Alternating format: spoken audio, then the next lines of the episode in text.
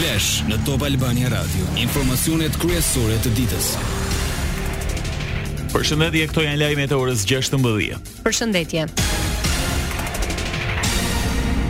Vrasja në Shëngjin e biznesmenit Ardian Nikulaj pas 8 ditësh gjendet motori i përdorur nga ekzekutori i dyshuar me shtetësi portugeze. Motomjeti u zbulua në fshatin Kakariq të Lezhës pranë banesës së njërit prej gjashtë të shpallurve në kërkim për vrasjen e 19 prillit të dyshuar për gjakmarrje. Shërbimet e policisë e sekuestruan dhe në njoftimin zyrtar thuhet se po bashkëpunojnë me agjencitë ligjzbatuese ndërkombëtare për lokalizimin dhe kapjen e gjashtë shtetasve, krahas portugezit dhe shqiptaro-britanikut, katër të tjerët janë britanikë.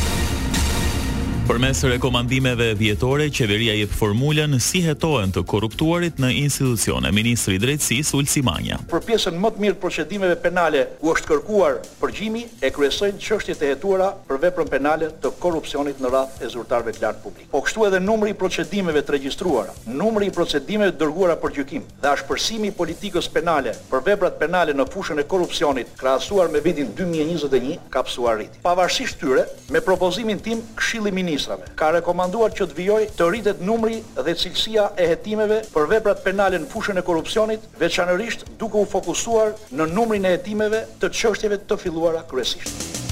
Manja përsëriti rekomandimin për vijimin e rritjes së numrit të hetimeve proaktive, përdorimit të mjeteve të posaçme të hetimit. Po ashtu foli për hetimin financiar, një ditë pasi Apeli i Posaçëm la në fuqi sekuestron ndaj pasurive të vëna nën hetim nga SPAK-u dhe që i përkasin Erjola Hoxhës, bashkëjetueses së Arben Ahmetajt. Një rëndësi e veçantë i duhet kushtuar edhe rritjes së numrit të hetimeve financiare sistematike, dhe hetimit financiar paralel për veprat penale që gjenerojnë produkte, shtimin e numrit të sekuestrimeve dhe të konfiskimeve, përfshirë edhe rastet e tjetërsimit të tyre nga persona të tretë.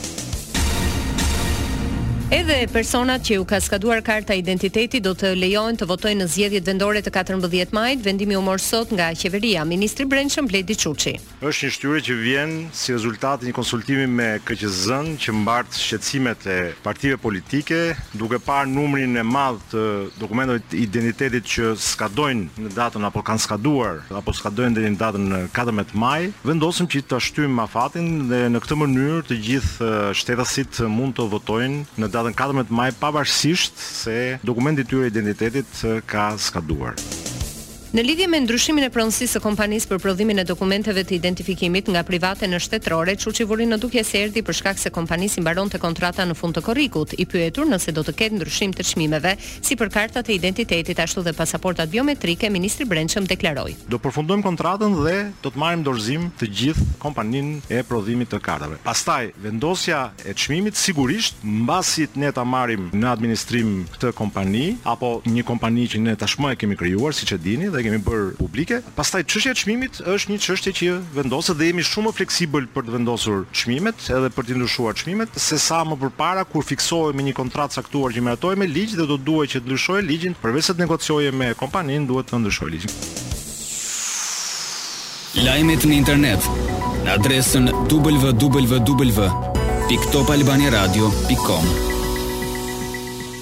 Kryebashkiaku i Tiranës Erion Veliaj dhe zëvendës kryeministrja e ministra e Infrastrukturës Belinda Balluku inspektuan punimet në kantierin e projektit për ndërtimin e linjës së re hekurudhore Tiranë-Rinas-Durrës. Brenda Tiranës ku pritet të ketë tre stacione, do të vijë vetëm një trase e trenit elektrik. Projekti parashikohet të përfundojë vitin e ardhshëm. Këtu jemi tek kthesa e Kamzës, ku bashkia me ministrinë ndajnë një pronë, ndajnë dy projekte, por një histori suksesi. Ne në Tiranë nuk do vazhdojmë me të pesta këto platforma, edhe me këto trase. Në Tiranë do të vazhdojë vetëm një trase e trenit elektrik, një light rail. Kjo do thotë që treni do sillet me një shpejtësi, duke qenë se futet në zonë urbane dhe do kemi edhe tre stacione të tjera, tek Josif Pashko, ke Jordan Misja dhe pastaj në fund të bulevardit të ri, ato që quhen city stations. Pra për gjithë ata që kanë një shqetësim nëse do ketë mallra, jo, nuk do të ketë mallra dhe nuk do të ketë volume, le të themi, tregtare të mallit që ndrrohen në mes Tiranë.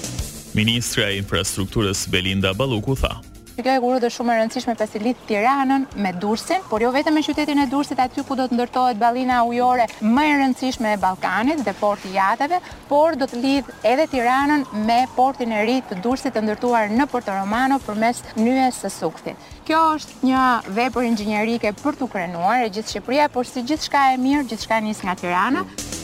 Veliaj shtoi se kur qeveria dhe bashkia bëhen bashkë, rezultati janë punët e mira për qytetin. Edhe kur dëgjoj dhe këto debatet jo po qeveria, po ça na duhet bashkia, bashkia na duhet që të jetë aleat me qeverinë. Ne bashkë bëjmë gjëra që veç e veç e kemi të pamundur dhe thirrja për gjithë bashkitë është të gjejmë sa më shumë ndihmë, bashkëpunim edhe mbështetje nga qeveria.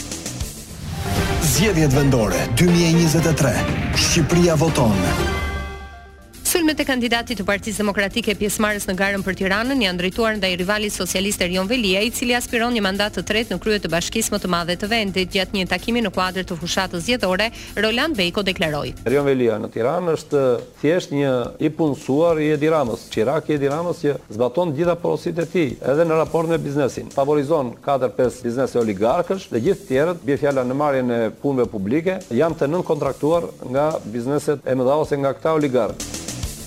Në këtë mënyrë, kandidati i Partisë Demokratike Bejko akuzoi Veliajn për bashkëpunim me oligarkët, edhe pse hezitoi t'i përmend me emra. Ndërkaq, pasi lë mënjanë akuzat, ai ndalet te programi ekonomik, boshti i së cilit është ulja e taksave. Çfarë i duhet ekonomisë që të jetë më e relaksuar në Bashkinë e Tiranës? Më pak gjoba, më pak presion nga ana e punonjësve të bashkisë dhe më shumë komunikim për të krijuar një lloj relaksi, ne jemi për politika të tilla të zhvillimit me më pak taksa. Ne kemi menduar që të heqim taksën e infrastrukturës arsimore dhe sportive, përgjysmimin e taksës për pastrimin për bizneset, bashkia të krijojë lehtësi fiskale.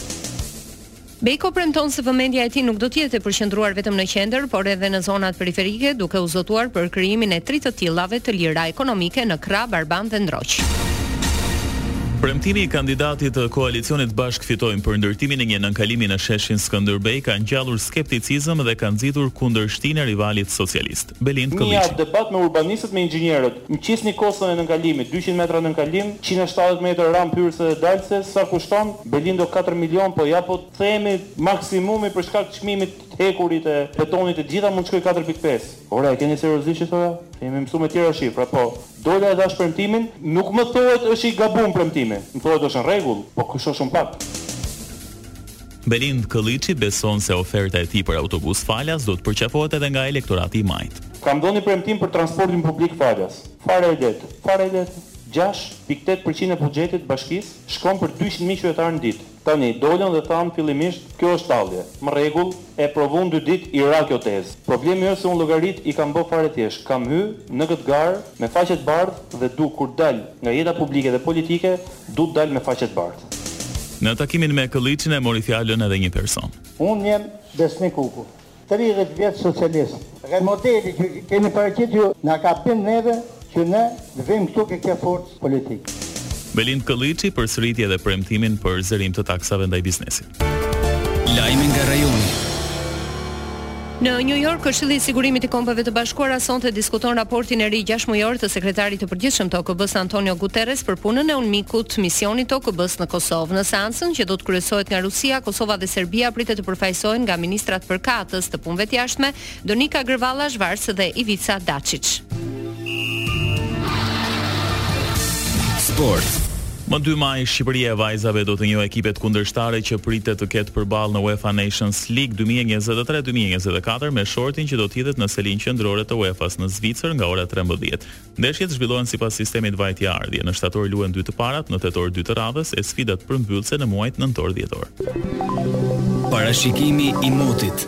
Vendi ynë do të vazhdojë të ndikohet nga kushte atmosferike të qëndrueshme, moti mbetet i kthjellët me vranësira të pakta dhe mesatare në zonat malore. Temperaturat luhaten nga 2 në 22 gradë Celsius.